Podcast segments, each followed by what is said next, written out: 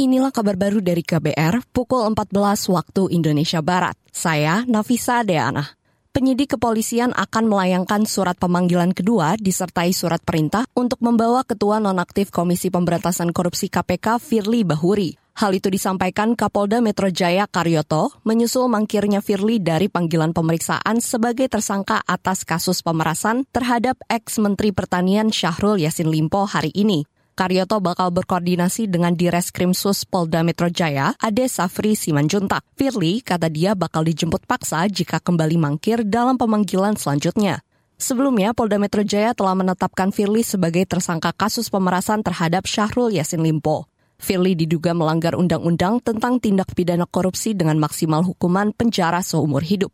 Kita ke berita lain, saudara. Presiden Joko Widodo melakukan peletakan batu pertama atau groundbreaking Polres khusus kawasan Ibu Kota Nusantara IKN hari ini.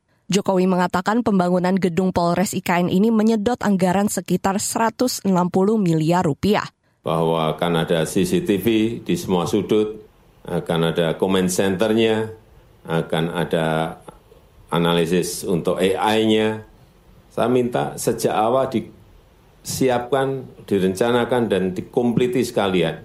Ini akan kita jadikan contoh bahwa ibu kota Nusantara adalah ibu kota yang aman dan tidak ada kejahatan sama sekali.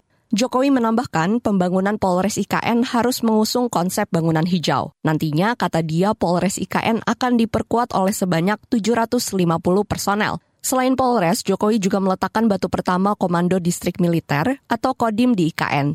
Acara groundbreaking Polres dan Kodim di IKN turut dihadiri Mensesnek Pratikno, Menteri ATR Hadi Cahyanto, Kapolri Listio Sigit Prabowo, hingga Panglima TNI Agus Subianto. Kita ke berita selanjutnya.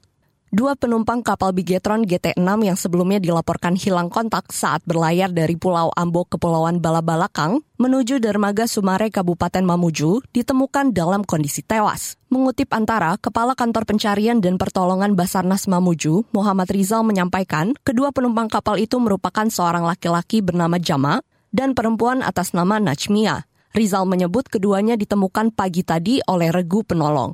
Sementara dua penumpang lainnya lanjut dia, yakni seorang laki-laki bernama Ahmad dan perempuan bernama Kasiani masih dalam pencarian. Rizal menyampaikan kecelakaan kapal Bigetron GT6 itu tercatat 37 orang penumpang, sebanyak 33 orang berhasil ditemukan selamat, dua orang tewas dan dua penumpang dinyatakan hilang dan masih dalam pencarian. Demikian kabar baru dari KBR, saya Nafisa Deana.